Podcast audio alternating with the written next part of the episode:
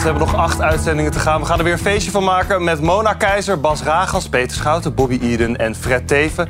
Fijn dat jullie er zijn allemaal. Hebben jullie op één gezien gisteravond? Toevallig? Kijk, jullie, je kijkt niet elke avond. Nee, nee, zeker niet. Dit is natuurlijk de tijd van 1 april grappen, hè? Die zitten eraan te komen. Oh. Je moet als redactie daar heel scherp op zijn. Gisteren hadden ze een onderwerp, ik geloof het gewoon niet. Een mammoet gehaktbal was er in de studio. Dat is dus gekweekt vlees met het DNA van de uitgestorven mammoet erin verwerkt. Dat was een uitgebreid gesprek. En er is ook een filmpje bijgemaakt door het reclamebureau. Eh, dit is het filmpje, helemaal gelikt. Met rook erbij. Dit is de mammoet gehaktbal. Het is er eentje op de wereld. Ik ben wel benieuwd wat jullie hiervan vinden. Wat denken jullie? 1 april grap of, of klopt het echt? Wat denk je, Mona? Vooral heel Nee, dit vies. zal wel. Vooral heel vies, denk je. echt voorbij Ja, of komen. niet. Misschien is het wel hartstikke lekker. Misschien is het wel heel lekker. Ja, een beetje Hij wal- hij walmt wel lekker. Ja, Hij toch? walmt. Wat denk jij, 1 april grap, Bas, of klopt het? Ja, dat zou maar zo kunnen, ja. ja. Nee, joh, het is er nog geen 1 april. Maar dat is toch heel goor, dat is heel oud vlees.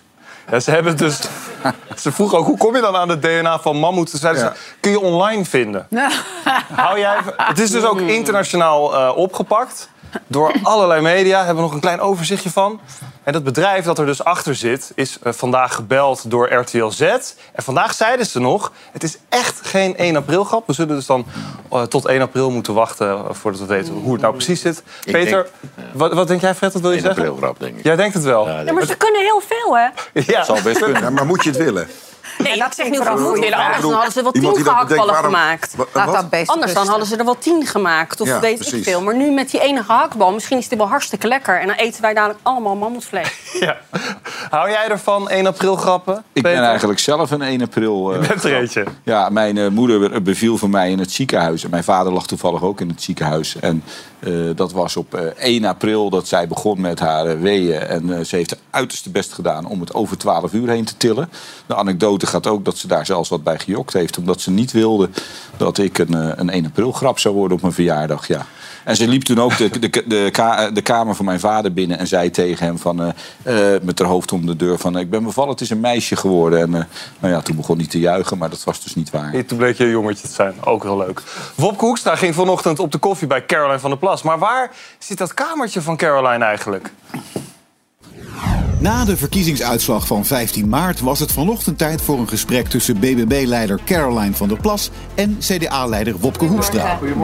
De partijen zitten op dezelfde etage van de Tweede Kamer. Maar toch lukt het Wopke om de verkeerde kamer binnen te lopen. zien we elkaar zo meteen. Hier. Hey Caroline. Caroline komt na afloop van het gesprek met een heldere boodschap. Ik heb hem nog extra op het hart gedrukt om 2030 en onteigenen om daar gewoon van af te stappen. En dat is ook precies de conclusie van het crisisberaad van het kabinet van gisteravond. Vanzelfsprekend hebben wij nu in eerste plaats ons af te vragen wat betekent dat voor dit kabinet eh, en voor deze coalitie. Alles moet beter op de grote dossiers als stikstof, woningnood, toeslagen en asiel. Maar is de politiek niet volledig los komen te staan van de mensen waar het om gaat? Of, zoals Mark Rutte zelf al hardop zei, Is de politiek er in voldoende mate voor iedereen in Nederland? Mona, ik hoorde een hele diepe zucht Ja, net. joh, weet je dat, het is procedurepolitiek.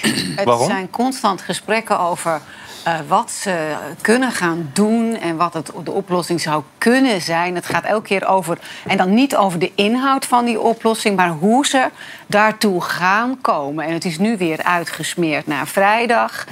Dan komt er een brief aan de Kamer. En dan komt er weer een brief. En ik Vind ga jij dat Mark Rutte de premier is die ervoor kan zorgen... dat de politiek er weer voor iedereen is? Ik ben bang dat na twaalf jaar... Ja, ik vind het akelig om te zeggen, want ik ken hem. ehm, en het is gewoon... We hebben je vorige Waarom keer... vind je dat akelig om te Om- zeggen? Ja, omdat het, hij doet zijn best. Maar, ik, Maar wat wou je zeggen? ik geloof dat... ik- Nee, ik... ik Na 12 nee, jaar? want gisteren... Maak je zin nou- eens af, Mona. Nee, nee. Gisteren kwam er een rapport naar buiten over... ehm, waar ging het ook alweer over? Dat de modellen er niet op goed genoeg zijn... om te gaan eh, vaststellen waar het geld naartoe moet. En toen zag ik een kop in de krant. Mark Rutte, de modellen zijn niet goed. eh, het geld wordt niet verdeeld en daar moet wat aan gebeuren. En dan denk ik, ja Mark, darling... Je, daar zit je al twaalf jaar bij. Ja, ik concludeer even voor jou dat je zegt... hij kan dit niet oplossen. Fred, wat vind jij van die woorden van Mark Rutte? Nou, ik vond ze een beetje niet-zeggend, heel eerlijk te zijn. Ik, Echt waar? eh, Ik vind hem al, ja, hij moet natuurlijk eh, in het midden koersen tussen Wopke Hoekstra en Sigrid Kaag. Hij zit daar, hij moet namens het kabinet spreken. De anderen hebben ook niemand, eh, geen pers te woord gestaan hè, gisteren. Ja, gebeurde was niet. even afgesproken. Ja, dus je hoort daar een premier praten die dan en D66 een beetje tevreden moet houden en CDA tevreden moet houden. En dan komt er niet zoveel uit natuurlijk. Ja, dan wordt het een. eh, Heb jij de neiging om hem op te bellen, zeg Mark? Je moet het nu zo en zo nou, hoef ik niet te doen, want ik zie hem volgende week in persoon. Dus Oh, waar gaan we het eh, dan over hebben? Ja, nou, over allerlei dingen praten wij. Meestal over dingen die gewoon, eh, wel- die zijn wel gezellig zijn. Nou, Fred, Oh, ga hem Maar misschien wel bijvoorbeeld over de provincie Zuid-Holland, hè, waar, Ja, waar jij verkennen advies ligt. Ja. Wat wou je zeggen, Peter? Gaat hem, ga hem vertellen, Fred, dan, dat als hij wil dat de politiek er voor iedereen is... dat we eens in Nederland moeten beginnen om meer inspraak aan mensen te geven. En niet alleen maar één keer in de vier jaar een keer als stemvee dienen... maar gewoon zorgen dat er meer referenda komen, dat er burgerbewegingen komen. Daar gaan we geen discussie over hebben, wel een mooi Eén punt. opmerking maken. Mark Rutte, wat hij meer zou moeten doen, is weer de VVD. eh, partijleider zijn. Want doordat hij constant daar in, in het midden gaat zitten, komt het er niet meer uit. Maar de politiek is wel voor iedereen, om, het, om de antwoord te geven. Want ik denk dat de stemopkomst heeft bewezen, heeft bewezen dat het wel eh, leeft in Nederland. Ja. BBB zeker. We gaan even naar de ster van gisteravond. Mark Kampers, onze nieuwe politiek verslaggever van SBS6. Je had gisteren je debuut bij Vandaag in Sight. Dat is natuurlijk hartstikke spannend. Heel inhoudelijk. Heel inhoudelijk altijd. En ehm, het ging helemaal zoals het moest gaan. Laten we even kijken. Mark, gebeurt er ook wat in Den Haag? er gebeurt helemaal niks. Er staan te wachten. Dankjewel, Mark. Dankjewel, Mark. Dankjewel. Goed. Eén keer vragen. Mark, gebeurt er echt niks? Echt helemaal niks? Nee, er gebeurt echt helemaal niks. Eh, Mark, gebeurt er vandaag iets? Nou, eh, Nee, dankjewel. maar ik wil nog even de bal terugkaatsen naar mevrouw Keizer. Want Ja. mevrouw Oh, Keizer ja. heeft Oh, natuurlijk ook in dit eh, kabinet gezeten. Ja, klopt, Dus zeker. u bent natuurlijk ook verantwoordelijk voor, voor het beleid. Ja, maar dat is al eh, september, even kijken, aankomende september twee jaar eh, geleden. Ja, dat is vrij kort dus. Ja, maar ja, kijk, gaan we dit echt doen nu? Ja. Want, hè? Dit Ja, is een directe je- aanval van Mark op nee, jou, maar Dat is, weet je, dat, daar kan je natuurlijk prima over hebben. Waar, wat, wat ik vijf jaar gedaan heb, dat ging bijvoorbeeld over de zorg. Nou, wat je nu ziet gebeuren, is dat er worden dan eh, afspraken gemaakt... bijvoorbeeld over het, het verhogen van salaris. Terwijl het echte probleem aanpakken... namelijk zorgen dat die mensen weer kunnen gaan doen... waarvoor ze de zorg in zijn gegaan, namelijk voor mensen zorgen... Ja. daar wordt niks aan gedaan. Daar Zorg gaan vijf we het- jaar voor gestreden. Zorg gaan we het En later dan, ook nog eh, over hebben. Ondernemers... Oh, sorry, ik dacht... Ah, Voordat je helemaal als je, losgaat. als je wil, kan je hem krijgen. Ja, nee, dat, zo kennen we je ook. Ja, ja. Maar Mark, is er nou gisteravond iets uitgekomen voor jouw gevoel? Nou, ik vond het een vaag eh, statement, moet ik zeggen. Het was vrij vaag en eh, het, niet heel concreet. Ehm, wat er nou nu gaat gebeuren, er wordt gezegd... ja, er moet meer oog komen voor de regio. Meer bussen moeten er gaan rijden, meneer Teven, hè, in de regio. Ziekenhuizen zijn te ver weg. Ze rijden nu al al leeg, dus Ja. dat lijkt me Dus gaaf. daar is het voornamelijk over gegaan. Ja. Wat ik me wel, eh, ja, wat ik dan denk, als ik Mark Rutte zou zijn, zou hij nog vaak terugdenken aan dit fragment uit 2009, toen hij Balkenende aanviel over dat hij te weinig beleid eh, had, te weinig stappen ondernam. Was was een goed, Daar was goed- jij goed bij. moment. Was. We gaan daar eventjes naar kijken. Deze motie van wantrouwen komt er omdat u geen beleid voert. Omdat u geen maatregelen neemt. Omdat u aan derden uw verantwoordelijkheid wegdelegeert. Daarom zeg ik tegen u, regeer of stap op. Vandaag laat u duidelijk blijken, u gaat niet regeren. Dan is maar één conclusie denkbaar, opstappen. Stapt ook op, hè, kort daarna. Hij stapt ook op. Ja. Maar eh, herhaalt de geschiedenis zich een beetje? Want hij stelt ook problemen voor zich uit. Dan zegt hij gisteren ineens... ja, die toeslagenaffaire... daar moeten we toch nog eens naar kijken... of we dat proces niet kunnen Nou, versnellen. ik- denk, hij had dat vijf jaar geleden Om, gedaan. om je vraag te beantwoorden. Ik denk wel eh, dat hij in een fase terechtkomt dat hij wordt ingehaald door de tijd. Hè. Er wordt nu op veel plaatsen eh, waar de stikstof bijvoorbeeld beleid moet worden uitgevoerd bij de provincies, komen nu nieuwe colleges. Nou, stel nou dat de komende maanden D66 nergens meedoet en geen enkele provincie. Dan wordt het niet gezelliger van in het torentje. Als Nee. eh, in alle provincies wel colleges zitten, maar geen enkel college meer met D66 erin. Dan wordt die interne spanning in dat torentje, in dat kabinet, wordt groter. En dan, ja, dan wordt het wel moeilijk om de boel bij elkaar te houden. Zeker als het CDA in een hoop provincies wel mee gaat doen. hè. Zeker. Dat- wat niet uitgesloten is. Laat ik dat Je noemt het CDA, laten we nog heel even over vanochtend hebben. Dat was Hoekstra, dus ja, hij kon de weg niet helemaal vinden naar het kamertje van Caroline. Is daar nog iets eh, ja, inhoudelijks ook besproken? Nou, Hoekstra wilde niet zo heel veel vertellen achteraf. Maar ik wil eerst even iets zeggen over de ongemakkelijke setting. Want het leek een soort first dates. Twee stoelen tegenover elkaar. En de mannen moeten op audiëntie bij eh, mevrouw Van der Plas. Dus dat levert wel leuke plaatjes op. Maar eh, vooral eh, Van der Plas was heel duidelijk. Nou, Hoekstra die zegt van joh... Deze foto, dit is trouwens niet de allerbeste foto van onze collega Merel. Maar het geeft wel een beetje de setting weer. Ja, Ja, precies. En wat Hoekstra dus ook zegt tegen Van der Plas... bouw een beetje rust in. Hè. Ga af van dat 2030-verhaal. En de rust moet weer terug in de politiek. Dus dat was, zijn- dat was eigenlijk voornamelijk zijn boodschap. Is de politiek voor iedereen? Vraag je dat aan mij? Eh, nou, ik, ik denk dat dat heel duidelijk is wat de, de kiezer heeft laten zien. Dat ze er niet tevreden over zijn. Dus het is natuurlijk eigenlijk heel grappig dat hij dat zegt. Want BBB is juist zo groot geworden omdat iedereen eh, nu gestemd heeft... en duidelijk heeft laten zien dat ze niet happy zijn. Dus ik denk dat dat ehm, nou ja, het voorbeeld is. Thijs ging voor ons ook de straat op eh, in Purmerend... om het ook over Caroline te hebben. Of ze misschien wel premier moet worden. Vindt u het tijd voor kabinet Van der Plas? Ze mag eh, voor mij het eens proberen. Ik ben hem helemaal zat, die eh Rutte Stijn. Nee, dat vind ik te, te vroeg. Die mevrouw van der Plas moet even oppassen dat ze dus niet... Ze staat wel sterk, maar niet zo sterk als ze denkt. Het is een eh, heerlijke down-to-earth eh, vrouw. Heerlijk. En, en gewoon normaal Hollands articuleren en geen hete aardappel achter in de eh, huig. Tijd voor wat verandering, eh, denk ik. Eh, het zou misschien wel goed eh, zijn dat er een keer een frisse wind eh, door het kabinet gaat. Dus ik denk dat het wel een goede keuze is. Ja. Ik moet eerst maar zien of ze het ook daadwerkelijk gaat doen. Wat denkt u dat zij beter zou kunnen dan dat er nu gebeurt? Tot het wat goedkoper wordt in de winkels. Merk je het? Ja, zeker. Want eh, met 20 euro doe je tegenwoordig ook niks meer. Dus, eh, Dat is waar je het mee moet doen ook. eh, 40 euro in de week. Dus ja, dat is echt niet veel. Hoe kijk je ernaar? Je zegt shake Ja, ja, nou ja, dat zijn natuurlijk bedragen. Dat is ontzettend weinig als je geld. daarvan rond moet komen. Ja, dat is natuurlijk bijna niet te doen. Mark, ik lees het hier. Het staat er echt. Niet te doen. Positief nieuws vanuit Den Haag. hoe er is is het echt. mogelijk? Er is, de vlag kwam uit. Er was ook nog positief nieuws vandaag. Want eh, scholen gaan kinderen helpen. eh, die, die het dus ook wat minder breed hebben. Ook die man die, die het net zei, die het ook wat minder breed had. Met maaltijden. Ja, er wordt heel veel geld eh, vrijgemaakt. Basisscholen kunnen via een website dan eh, ja, een verzoek indienen. Eh, ja, het gaat er wel om meer dan 30% van de leerlingen moet dan uit een gezin komen waar de ouders dus een laag loon hebben, zeg maar. En dan kunnen ze dus lunch, eh, ontbijt of een gezonde snack kunnen ze aanvragen als school. En dan kunnen ze op school dus kunnen ze, ja, eten. Hoe luister jij er naar, Bobby? Ja, ik ben voor, omdat ik vind gewoon dat elk kind gewoon moet kunnen ontbijten, lunchen en avondeten natuurlijk. Alleen weet ik niet of het echt een oplossing is voor alleen de wat armere gezinnen. Omdat je dan misschien ook weer onderling krijgt van... hé, hey, weet je, jij komt uit een arm gezin, jij krijgt van de dingen. Dus dan vind ik dat het wel breed moet worden getrokken. Merk jij het op je school van jouw zoontje ook? Dat nou, ik hoor wel eens, en hij is zes jaar... ik hoor wel eens van, nou, die heeft wat minder mee, die had alleen dit. Dus hij deelt dan. Ja? Eh, Dan vraagt hij ook om extra boterhammen mee. Hij vraagt om extra boterhammen. Ja, dat doet hij soms. Want dan vindt hij het zielig als een kindje wat minder heeft.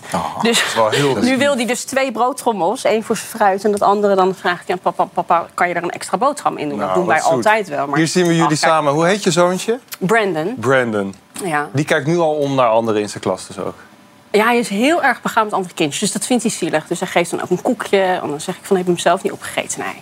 Hij had niet iets lekkers of zo. Dus dan doen ze dat. En ze ruilen onderling. Ja. Fred, wat vind jij ervan? Minder of, eh, schoolmaaltijden Ik voor gun mensen met minder kind geld? eh, een schoolmaaltijd. Maar in eerste instantie wel eh, betaald gewoon mee, de maaltijd meegenomen door zijn eigen ouders die dat het kind zelf moeten geven. Dus en als ik die dat geld niet hebben? Dat kan niet ja, ik ben daar dus, ja, dat snap ik allemaal wel. Maar ik ben hier dus niet zo positief over op voorhand. Ik denk dat je dan een beleid moet hebben dat gewoon mensen die weinig verdienen...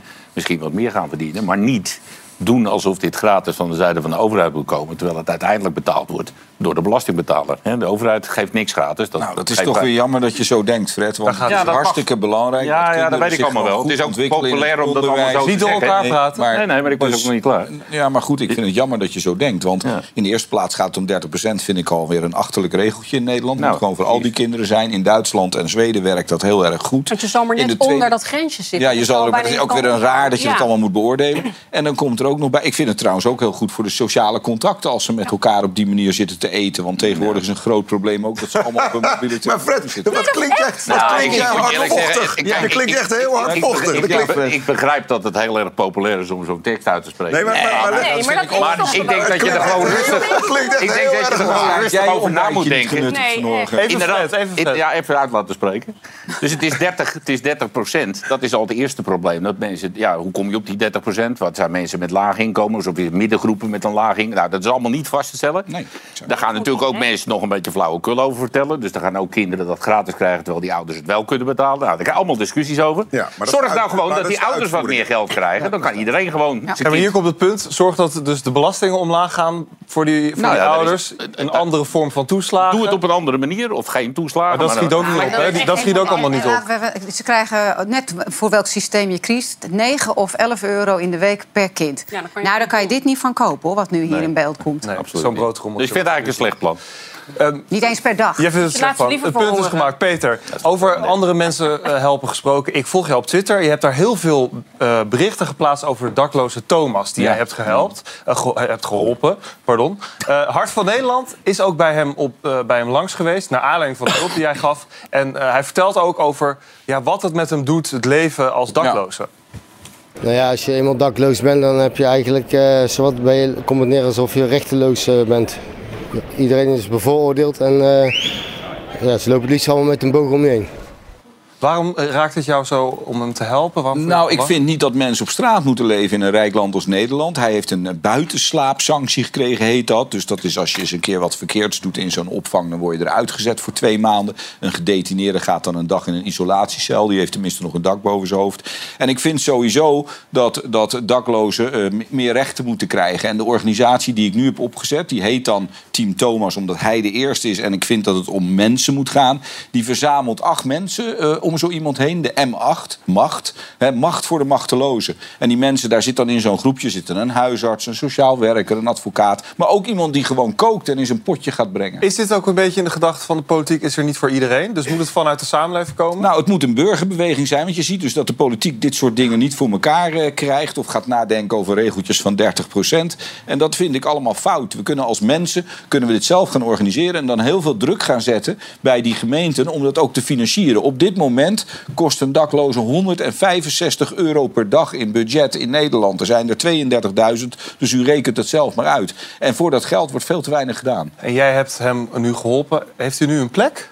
Hij heeft nu een plek, ja. En dat is natuurlijk allemaal vallen en opstaan. Hè? Want voor een zo'n zo'n dakloos is het ook wennen om met allerlei regeltjes om te springen en dingen goed te doen. Eh, hij wordt door die mensen regelmatig benaderd. Het gaat erom dat ze zo nu en dan eens met hem bellen. Eh, dingen die ze zelf niet meer nodig hebben aan hem geven. Eh, en, en al dat Fred, je zit een beetje om je Ja, ik heen. ook- Nou, laat ik, ik eh, ook Het is toch alleen maar mooi dat dit gebeurt. Nee, dat er mensen zijn die hem helpen. Laat ik ook iets populairs zeggen aan deze Oh, nee, tafel. ik, heb, ik heb twee jaar lang heb ik met de Haarlemse daklozen... ben ik met een bus die ik zelf gesponsord heb... ben ik op reis geweest naar een pretpark, om daar, een dierentuin... om daar leuke dingen met die mensen te doen. Dus ik doe ook wel eens wat voor daklozen. Dus dat zit, op zich snap ik dit wel, wat Ja. Peter zegt. Maar eh, ja, volgens mij is, is, is daar niks op tegen dat je iets menselijks doet voor Nee. mensen. Nee. Maar ik, Nee, ik, maar zeg, je zat- ik zeg dat het niet van de overheid moet komen. Ik vind niet dat de overheid... Ja, maar dat- dat zeg, zeg ik dat is mijn verhaal. Hey, we gaan door naar iets anders. Bas, ben jij altijd bereikbaar? Ook als je gewoon ligt te slapen bijvoorbeeld? Nee, joh. Dan gek? zet je je telefoon uit. Ja, dat ik, is echt- ik, kan, ik, kan, ik durf dat dus niet aan. Ik ben bang dat er, dat er een ramp gebeurt, dat er iets Oh, gebeurt. goed. Ik wil gewoon altijd Die bereikbaar FOMO. zijn. Ja, maar je denkt toch niet En dat dan die word ik rand- dus ook gewoon ochtends niet- wakker gebeld. Dat die rand niet doorgaat omdat jij je telefoon Ja, ik, ik ben echt bang om, om mijn telefoon uit te zetten s'nachts. Maar eh, we gaan het hebben over goed nieuws voor zorgmedewerkers. Want ze mogen voortaan die telefoon uitzetten als ze niet aan het werk zijn. Ik hoor Fred alweer zuchten, maar we gaan er naar kijken. Wat een gezelligheid, hè? Buiten werktijd, mij niet bellen. Dat mogen zorgmedewerkers gaan zeggen. Want in het nieuwe CAO-akkoord krijgen ze naast 15% salarisverhoging het recht om onbereikbaar te zijn. Oftewel, als je vrij bent, ben je ook echt vrij. De zorg kampt al tijden met een personeelstekort en een hoge werkdruk. Dit nieuwe akkoord moet de pijn hierin een beetje verzachten. Maar er zijn ook vraagtekens bij het plan. Niet alleen is het controleren ervan een hele klus. De zorg is ook een 24-uursbedrijf waar spoedeisende hulp niet kan wachten. Dus kan je als zorgverlener wel helemaal uitstaan? Ik, we gaan straks naar Fred, want ik weet al wat Fred gaat zeggen. Ik wil eerst maar even met Bas. Nou, ik vind het echt... een- Ik, ik, eh, ik heb wel eens voorbij zien komen wat die mensen verdienen. Nou, dat is echt niet zo heel veel. En dan moet je in de tijd dat je niet werkt ook nog eens... eh, Oproepbaar zijn. En zo'n telefoon is een soort hondenketting. Daar kan iemand, iedereen aan trekken die dat maar wil. Ja. En dus ik vind zo'n telefoon, als je klaar bent met je werk... dan ben je klaar met je werk. En dan zegt misschien zegt Fred de dingen... Nou, dat is, dat is lastig, want er zijn soms noodgevallen. Nou, dan maak je een poeltje. Dan zeg je, jongens, in die week is die groep bereikbaar. Ja, maar hier lopen, hier lopen twee dingen elkaar moest jij heen, als hoor. staatssecretaris, was je eigenlijk altijd bereikbaar? Eh, ja, Ehm, ik Want had hem als er- s'nachts wel uitstaan, maar dan konden er een paar mensen daar doorheen. Dan had ik hem op, eh, op stilstaan en een paar mensen Mark konden Rutte daar kon er doorheen. Eh, mijn eh, woordvoerder, mijn PA, mijn ouders natuurlijk. Mijn vader leefde toen nog. Rutte? En mijn chauffeur. Nee, die, Mark Rutte niet? nee, nee, nee, ben je gek. Die kon jou niet Wel, altijd Nee, bereiken. die, die belt je Toch leuk op om als even mee te nemen. Maar laten we even teruggaan naar de zorg. Nee, maar Wat weet vind je, jij daarvan? punt hiervan, hier lopen twee dingen door elkaar heen. Je hebt dienst en dan moet je bereikbaar zijn. Daar gaat dit niet om. Dit gaat over mensen die gewoon gewerkt hebben, geen dienst hebben... en dan gebeld worden door hun leidinggevende.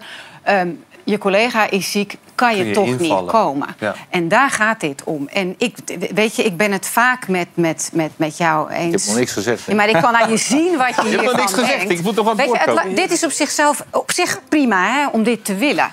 Maar hoe ga je dit regelen? En wat betekent dat trouwens voor jouw Voor leidinggevende... die op een gegeven moment een probleem heeft. Er liggen tien mensen te wachten die gewassen moeten worden. Degene die dat doet is ziek. En die mag dan niet een collega bellen. Dus wat ga je krijgen? Toestemming om wel gebeld te mogen worden. Dat moet weer bijgehouden worden.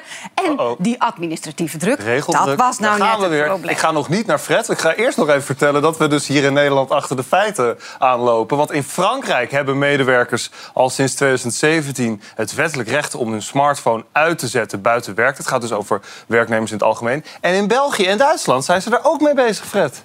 Wat vind jij? Dankjewel. nou ja, ik, ik- denk dat eh, mensen natuurlijk het recht hebben om die telefoon uit te zetten. Dat moet iedereen zelf weten. Maar ik denk wel dat het zo is dat er beroepen zijn waar dat gewoon wat moeilijker gaat. En daar valt een beroep in de, in de, in de verzorgingssfeer ook op. Kijk, als je nou echt wil, dan moet je een ander beroep kiezen. Ik, ken, ik, ik doe ook zo'n beroep, nog twee dagen in de, in de maand. En dan ga je op een lijnbus zitten en dan hoef je niet bereikbaar te zijn. Dan hoef je niet bereikbaar te zijn als je rijdt. En als je Nee. van die bus afkomt, hoef je ook niet bereikbaar te zijn voor je baas. Dan gaat er ander rijden. eigenlijk. Ja, er zijn dus banen waar je dat niet hoeft. En je hebt ook banen, dan moet je wel bereikbaar zijn. Want jij zal nou maar degene zijn die verpleegd wordt door een verpleegkundige. En zo iemand zal maar overlijden of zal maar ernstig ziek worden in het ziekenhuis. en dan zal er dus een beroep op je worden gedaan. Want die, dat, degene die daar ligt, die heeft een hele goede band met die verzorgende opgebouwd. Dan is het toch wel raar dat zo iemand dan niet gebeld zou kunnen worden. Vind is ik wel heel bijzonder. Duidelijk punt gemaakt. Waar het ook over gaat is, je moet ook soms even uitstaan. Zegt de FNV bijvoorbeeld in de zorg. Hoe, hoe doen jullie dat? Hoe zorgen jullie... Ik heb mijn telefoon dus al, ik sta altijd aan. Bobby, hoe kan jij tot rust komen? Dat je even alles loslaat? Hoe Ja, doe je dat? hoe kom jij nou tot rust? Eens. Nou ja, dat... Wat bedoel je eh, daar nou mee? Niet hier aan tafel zitten. ieder geval. We zijn wel geïnteresseerd in. Nee, ja, ik heb sinds kort een eh, moestuin. Ik teken veel. eh, lekker gamen met mijn zoontje of alleen. Ik dit jouw tune echt- moestuin? Ja, is mijn moestuin. Kijk, mijn bloemkooltjes, jongens. Ik ben zo trots. Wat is, de, wat is de lol van een moestuin? Wa- Waardoor kom je dan tot rust? Hoe Nou, hoe langer je er naar kijkt, hoe meer het gaat groeien. Je geeft het liefde. Jij zit Toch? voor je moestuin. Yo, ik zit echt... Ik zing voor ze allen. Nee, ik vind het gewoon heel erg bevredigend. Als ik vanuit een zaadje of als ik het bloemetje goed heb verzorgd, verzorgd... dat er dan zo'n plant uit komt en dat ik dat dan ook nog eens lekker thuis kan opeten. Heerlijk. Ik geef thuis de planten. En je kan dus ook hartstikke goed tekenen. Daar hebben we ook een foto van. Dit heb je ook gemaakt. Wauw. Oh, Ja, dat is wel super mooi. Ja, mooi. Ja, dat is mooi. Heel Wat doe jij, Mona, om echt even helemaal tot rust te komen? Nou, ik, In eh, Volendam Ja, buiten lopen. buiten lopen? ja? Eh, boeken lezen, dit, de, hier. En, Dit is bij eh, jou in de buurt? Dit is bij mij in de buurt. Ja, dit is buiten lopen. Eh, boeken, oh, dit. Dit is een van mijn. Dit is bij mij instant rustig. Want Heb jij ook een doel met lopen? 10.000 stappen per dag. Wat maak je dat dan niet juist weer Oh onrustig? God, ja. Dat je denkt, oh, ik moet die 10.000 Nee, want ik kijk op een gegeven moment op mijn telefoon... en anders loop ik s'avonds nog even een rondje. En dan, en dan dat, dat kom ik wel. Eh, Breien. Ja, het is ongelooflijk. Het breien. Daar word ik rustig van. Boeken lezen. En niet te vergeten, s'avonds naar leuke dingen kijken. Dus Zoals dit programma. Dit programma Ja, wel, maar idee. niet dus die zware talkshows. Ja, dat kan ja, niet ik tegen. snap het. Bas, wat werkt voor jou goed? Nou, ik ga graag naar de kroeg. Dat Ook vind heel ik- leuk, Dat ja. vind ik heel belangrijk. Ja, dat vind ik super ontspannen. Dus ik, ik, ik, je- je, eh, ja, ik ben dol op horeca. Dus Ja. ik ben dol op restaurants, cafés. En ik zit veel in de tuin. Ik heb een hond. Maar ik, rom, ik rommel vaak in de tuin, een uurtje of twee Is per zondag dag. rustdag voor jou ook? Nee, ik vind, eh, ik vind het heel belangrijk dat we inderdaad in deze 24-uurs eh, maatschappij... we zijn natuurlijk totaal doorgeslagen kapitalistisch geworden met z'n dat het alleen maar gaat over produceren, communiceren en, ehm, en, en consumeren. Dat zijn de drie dingen die we eigenlijk met z'n allen moeten doen. En als iemand gewoon een dag heeft van, joh, ik doe gewoon even lekker niks. Ik heb vrije tijd. Vrij van wat? Van werk? Van... Dus ik ben een enorme voorstander voor ehm, een, een dag in de week dat je gewoon helemaal niks doet. En of je dan naar de kerk gaat of wat dan ook doet, maakt mij niet uit. Maar gewoon. En sommige mensen willen dat niet. Jij gaat naar de kerk Niks op zondag. Ik ga, nou, ik ga niet elke, dag, elke week naar de kerk. Nee, maar ik ga wel eens Wel naar de kerk. regelmatig, ja. Eh, maar dat heeft er eigenlijk helemaal niks mee te maken. Het gaat er mij vooral om dat je gewoon af en toe uit moet staan. Mensen draaien gewoon door. Als deze talkshow voorbij is, ga ik echt af en toe uitstaan. Ik ga het proberen. Ja. We gaan eh, het hebben over The Voice. Want er is een onderzoek, eh, eh, ja, het lang verwachte rapport van advocatenkantoor Van Doornen over die misstanden van The Voice. Dat, dat rapport is vandaag gekomen. Uit het onderzoek blijkt dan dat er onvoldoende was geregeld om ongewenst gedrag daar op de werkvloer tegen te gaan. En na meldingen werd er niet tijdig en voldoende ingegrepen. Peter, toch ook wel, vandaag zie je in de reacties ook wel het gevoel dat mensen er misschien wel meer van verwacht hadden. Ja, Waar kan- ligt dat aan? Nou, je kan in dit rapport zien dat eh, advocaten veel woorden kunnen schrijven, maar soms weinig kunnen zeggen. Dus eh, eh, er is ook helemaal geen smoking gun in dit rapport. Dat had natuurlijk iedereen verwacht. Geen Dat- namen. dat er iets uitkomt, geen namen.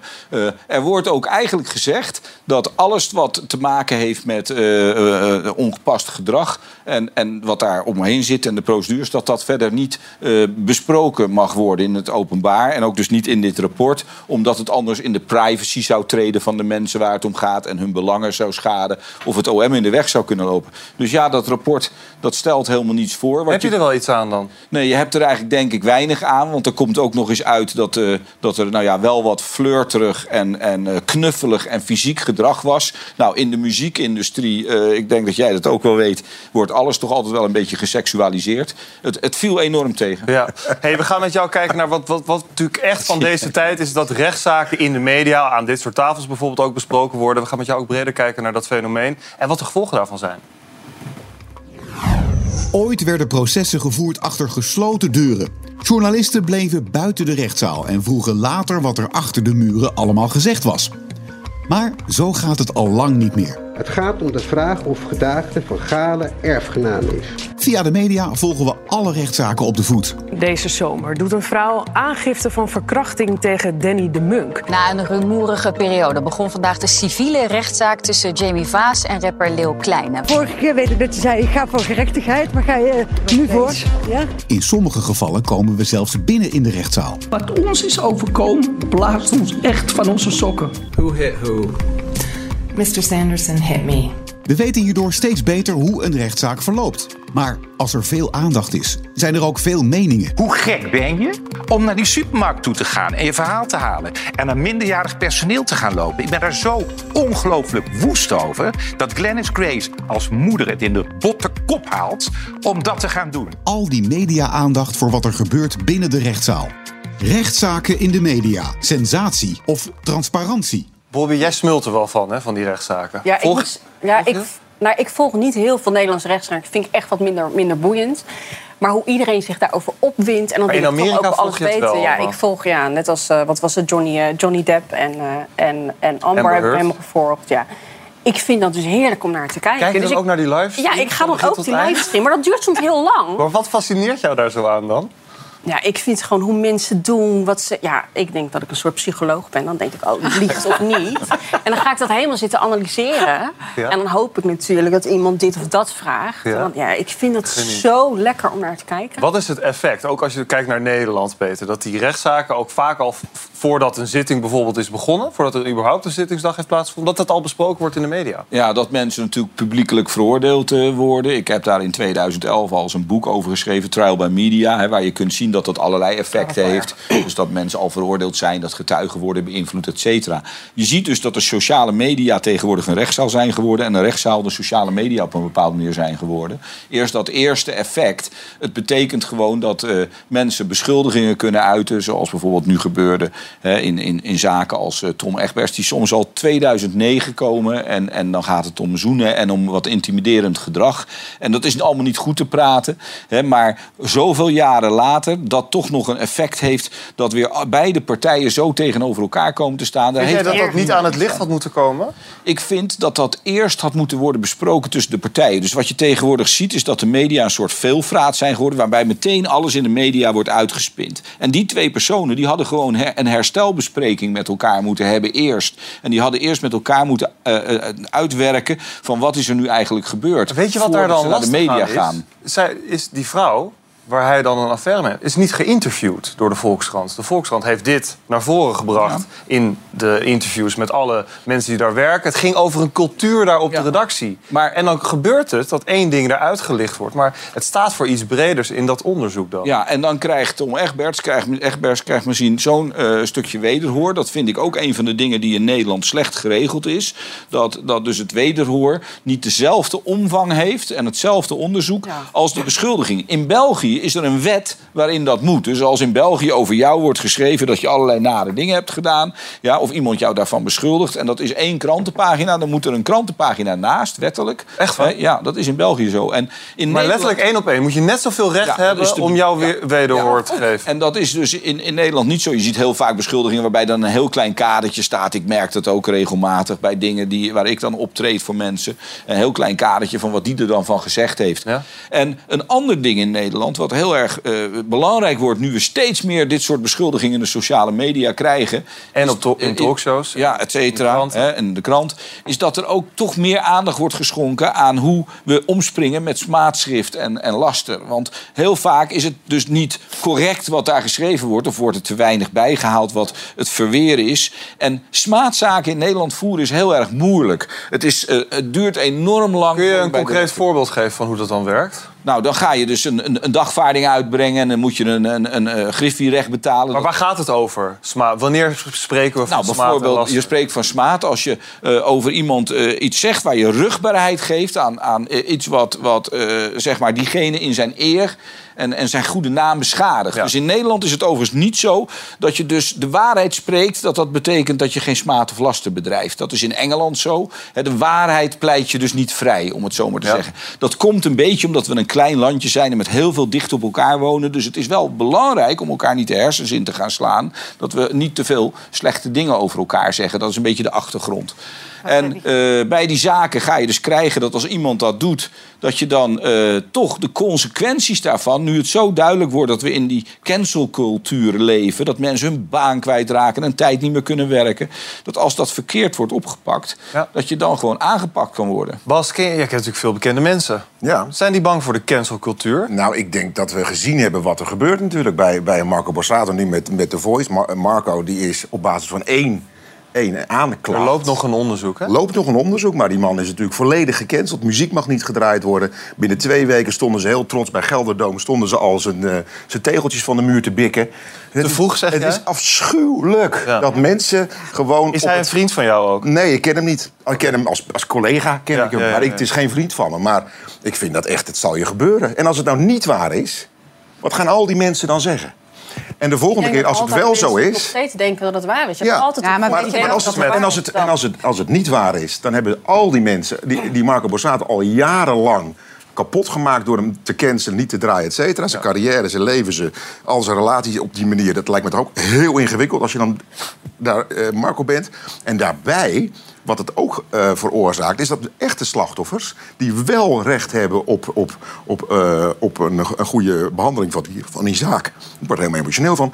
Ehm, eh, dat daar mensen van zeggen: ja, begint er weer, begint er weer iemand wat, het zal wel niet waar zijn. Dat, die, die, dat, dat effect krijgt. Wat ik lastig vind, Peter, wie je zegt... bijvoorbeeld je haalt België aan... daar heb je dan het recht op één op één te kunnen reageren. Zo iemand als Marco Borsato... ik denk dat hij best wel had kunnen reageren... maar dat hij dat liever niet doet op dit moment. Ja, dat klopt, omdat dat noemen ze ook het Streisand-effect. Dat komt door Barbara Streisand. Ooit was er een, een, een eh, sociaal medium dat publiceerde foto's van haar huis, waar dat was. En dat, dat wilde ze eh, niet, want ze wilde daar in privacy kunnen leven. En toen begonnen ze daar een procedure tegen. En toen ging natuurlijk, stond overal stond een foto van dat eh, huis. Dus toen wist iedereen in de wereld waar ze Omdat het in die rechtszaak Ja, maar, werd. maar hier is nog wel wat anders aan de hand. En dat is wat ik altijd denk als ik naar dit soort dingen krijg. En we, we leven in een rechtsstaat. En in een rechtsstaat ben je onschuldig totdat het tegendeel bewezen is. En dat is inmiddels gewoon kwijt. Dat wordt wel eens weg. En ik Heel duidelijk punt. Dankjewel. Straks waarschuwt Elon Musk voor de gevaren van slimme computers. En niet schrikken jongens, maar we bespreken ook de affaires van onze tafelgasten.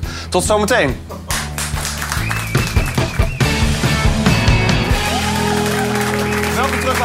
Geloven we nog in de prins of prinses op het witte paard? Uit onderzoek blijkt dat bijna 40% van de Nederlandse jongeren niet gelooft dat mensen van nature monogaam zijn. Dus dat ze één partner hebben. En iets oudere mensen, die kunnen daar ook wel wat van. Ze zijn getrouwd en hebben inmiddels volwassen kinderen. Op het eerste gezicht niets ongewoons aan dit stel. Maar Erik, Maria, Stefan en Edith hebben een bijzondere relatie met elkaar. Nou, Erik en ik zijn eh, volgend jaar 35 jaar getrouwd en al sinds 82 samen. En Edith en Stefan zijn volgend jaar 30 jaar getrouwd. En nou ik ben dus het vriendinnetje van eh, Stefan en Edith van Erik. Mona. Ik denk wel, ik kijk hem niet aan, kies een ander. Ik ben monagaam, ja. Dat zeggen wij thuis altijd tegen elkaar. Hoe kijk je hier naar? Ja, weet je, ik heb met dit soort dingen altijd zoiets van leef je uit. Ja. Echt, En leef denk je dan ook uit. zelf, dat is misschien ook wel iets voor mij? Nee, dat denk ik niet. Ik, eh, heb, eh, ik woon samen met nu vijf en straks weer zes mannen. Ik vind het wel genoeg. Ja, je vijf zoons. en, je, en je man. Peter, jij ziet dit wel zitten. Nou ja, ik ben eh, niet eh, monogaam. Hè. Ik heb een open relatie. Je vraagt er nu weer naar. Dus ik denk Ja, je- we hebben het al een keer advies kort van mij wil hebben over Ja. hoe jij dat aan je vrouw moet eh, vertellen. Of ik het aan jouw vrouw moet vertellen. Want dat heb ik wel eens gedaan in het verleden.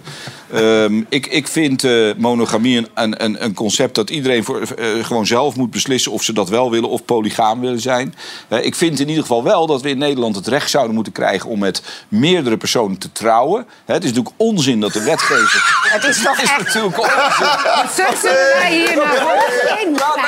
Laat me even, uitspreken.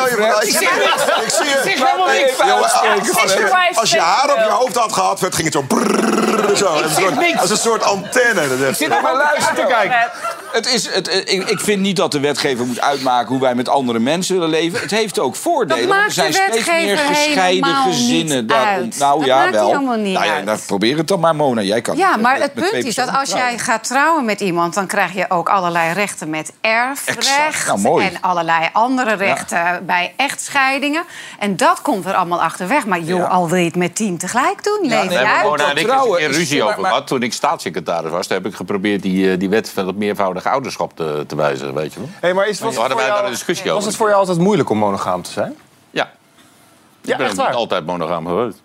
Eh, en, en welke variant? Maar ik eh, heb geen open relatie zoals Peter. Dus dan komt het dit erop neer dat je het af en toe stiekem doet. Ah, oké. Hoe dat? vrouw weet Ik ben nu, ik ben nu wel, wel weer monogaam. Ik lees mensen, Ik ben nu wel weer monogaam. En was dat in de tijd dat je in de politiek zat? Ook. Ook. En jouw vrouw weet... Fred, je hoeft niet alles te vertellen, hoor. Nee, maar je bent heel... Hey, Fred, luister. Het, het, het heeft in story gestaan, dus ja, dan kan ik het ook Nou, dan is het waar. Dan is het waar. Nou, dat op toch? En je hebt het helemaal bijgelegd met je vrouw. Nee, want eh, ik ben niet meer bij die eh, vrouw. Dus. Je bent niet meer bij haar. Nee, Nou, goed. nee, nee, nee. Je ziet het, ik ben dus overvallen door het verhaal. Maar ik vind het wel mooi dat je open bent daarover. Maar ja, ik ben open, maar ook Mona, niet Mona, helemaal. Wat jij zei net, dat, dat klopt Ik hoor hier steeds mo- mono, je- maar ik hoor steeds monogaam. Het is... Ja, ja, dat is ook Nou mooi. goed, wat- maar, wat- maar wat je net zei over van ja, dat hebben we met regels gedaan, zodat erfrecht en et cetera. Wat je dus vergat, is dat tegenwoordig met steeds meer gescheiden mensen er steeds meer stelletjes komen die kinderen van andere mensen hebben en dat allemaal mengen met elkaar. En het dus juist belangrijk zou zijn als je met meerdere mensen kan trouwen, zodat je dat erfrecht kan uitbreiden. De deurwaarder kan dan ook meteen bij die andere Nou, weet ik weer wel. daar- dat dat niet, Ik wil Bobby even wat vragen. Zou jij er een extra man bij willen? Nee man, ik heb genoeg aan mijn eigen vent. Ik denk dat ik in het, Zelf in het, eh, ja, in het laat maar zeggen, verleden heb ik, eh, heb ik best wel wat gedaan. En ben ik niet altijd monogaam geweest. Maar eh, Eh, bedoel je dan je carrière? Of, of... Nee, carrière is iets heel anders. natuurlijk wel maar- iets heel anders, Ja, ja, dat ja. is iets heel anders. Maar ik ben van nature wel, als je in een goede relatie zit, voor mij ben ik heel trouw en monogaam. Maar ik moet wel heel eerlijk zeggen, ik merk om mij heen, en dat is denk ik ook een beetje trending. Zeker nu, ik heb eh, over drie weken komt Kamp Soetrebeurs weer. Ja. Daar hebben we nu een swingerscafé dubbel zo groot gemaakt, omdat de vraag naar swingers, naar mensen die het willen proberen, het Een partner wisselen. Ja, dat is gewoon veel groter dan dat het vroeger was. Ja, dus is Dus- wel... Ik denk wel dat het we weten nu dat, het, dat ze, mensen het willen. En vroeger hielden mensen hun mond erover, denk ik. Ja. Want die Ja, mensen er ook wel, maar die wil mee in zijn mond. Hey, we- er was groot nieuws vandaag. Want prominente techbazen in Amerika, waaronder Elon Musk, die waarschuwen voor het gevaar van kunstmatige intelligentie. Kunstmatige intelligentie die zo krachtig wordt dat de mens de controle verliest. We marveled at our own magnificence as we gave birth to AI. AI. Skynet begins to learn at a geometric rate. It becomes self-aware. Het is een doemscenario dat filmmakers al decennia bezighoudt. En op het witte doek heeft dat altijd catastrofale gevolgen. Maar ook in de echte wereld maken prominente experts zich zorgen over de snelle ontwikkeling van kunstmatige intelligentie, zoals Elon Musk. One thing is for sure, we will not control it. Ze pleiten er nu voor om de ontwikkeling van kunstmatige intelligentie zes maanden stil te leggen. Die tijd moet gebruikt worden om toezicht en regels op te stellen voor het gebruik van AI. Hoe kunnen we kunstmatige intelligentie onder controle houden? Marloes, je bent specialist eh, in kunstmatige intelligentie. Ben je het eens met die oproep van eh, Elon Musk? Nou, allereerst, kijk, eh, ontwikkelingen zoals de, eh, de lancering van ChatGPT, dat heeft heel veel losgemaakt. En je kunt dat, het wordt wel vergeleken met een ketchupfles. We weten al heel lang dat het eraan komt. En we hebben flink aan die fles lopen schudden. En nu is er opeens wel heel veel.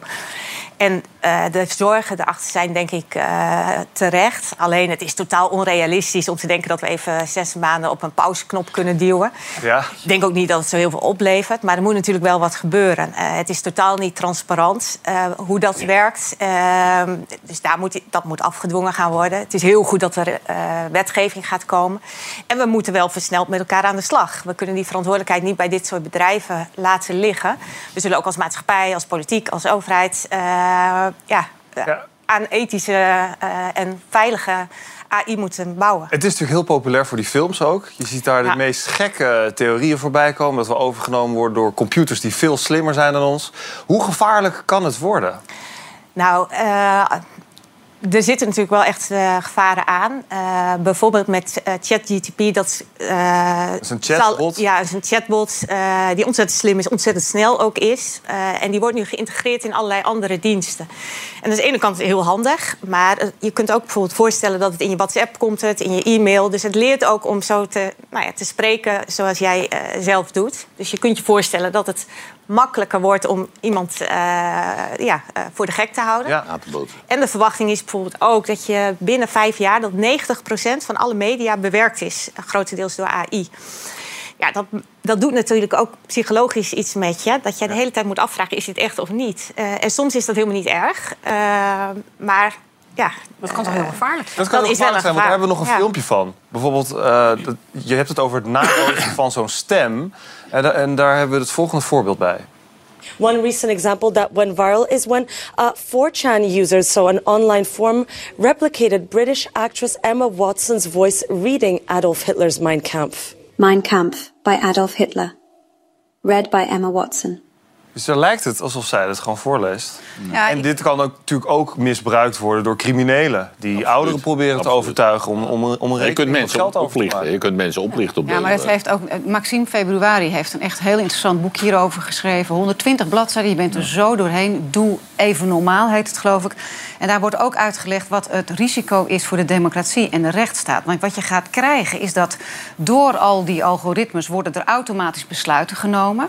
Eh, algoritmes zijn Als jij dan op een gegeven moment naar een rechter eh, moet om daar bezwaar tegen te maken, dan kan die rechter niet meer achterhalen hoe dat besluit genomen is. Dus het kan uiteindelijk de rechtspraak ondermijnen. Omdat het volledig geautomatiseerd Omdat het geautomatiseerd is. Maar het kan bijvoorbeeld ook de controle van de Tweede Kamer op de regering ondermijnen. Want die kunnen ook niet meer achterhalen waarom iets besloten En betekent dat dat er gewoon weer een volgende toeslagenaffaire kan ontstaan?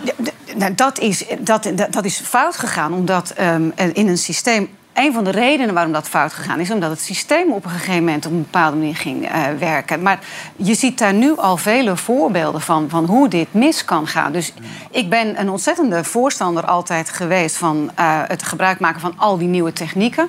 Maar we hebben nu echt wel een moment dat we ons af moeten vragen of alles wat kan ook moet En ik zeg dan nee. Maar er zit ook een andere kant aan. Want er zijn natuurlijk ook wel... Deze technieken worden ook gebruikt om soms hele zware misdrijven op te sporen... wat eerst niet kon. En dat kan nu soms wel met deze technieken.